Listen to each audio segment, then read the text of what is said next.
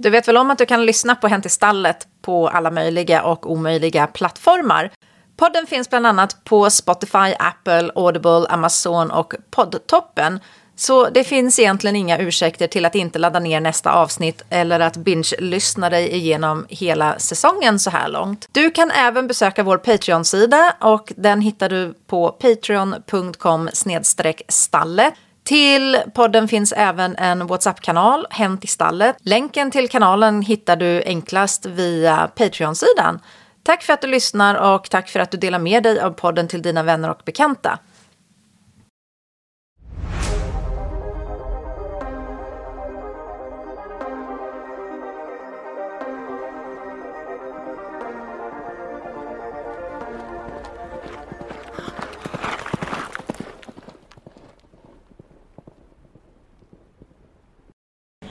Äntligen fredag som det så vackert heter. Eh, välkomna till ännu ett bonusavsnitt av Hänt i stallet. Det ni hör i bakgrunden är eh, ringmastern som kallar in eh, dressyrhingstarna för fjärde gruppens dressyrhingstar för att komma in på stora arenan. Det är väldigt olyckligt att det händer just nu, men det här evenemanget det är gigantiskt.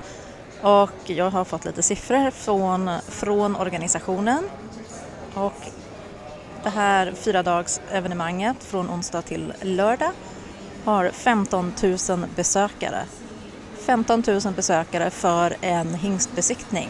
På, det kommer även 60 journalister och andra. Det kan vara fotografer, det kan vara videografer, det kan vara vanliga skrivande journalister.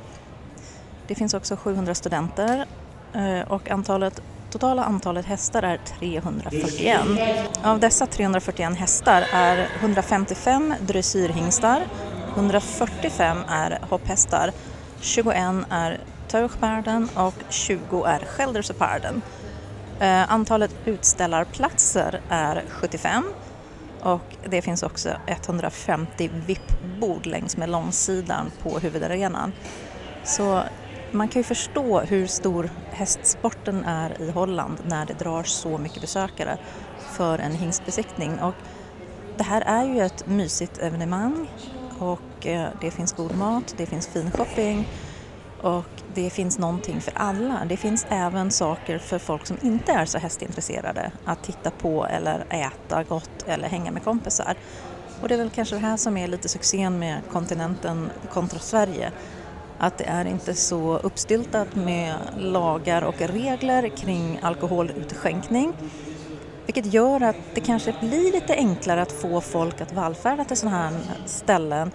För att det är inte bara för hästarna man kommer, man kommer även för gemenskapen, man kommer för att hänga med kompisar och en del tar hit sina kunder för att bara bjuda dem på någonting trevligt. Och det är samma sak med Indoor Brabant och Military Buccolo, att det drar mycket folk för att man kan göra någonting som inte bara handlar om hästar och hästfolk.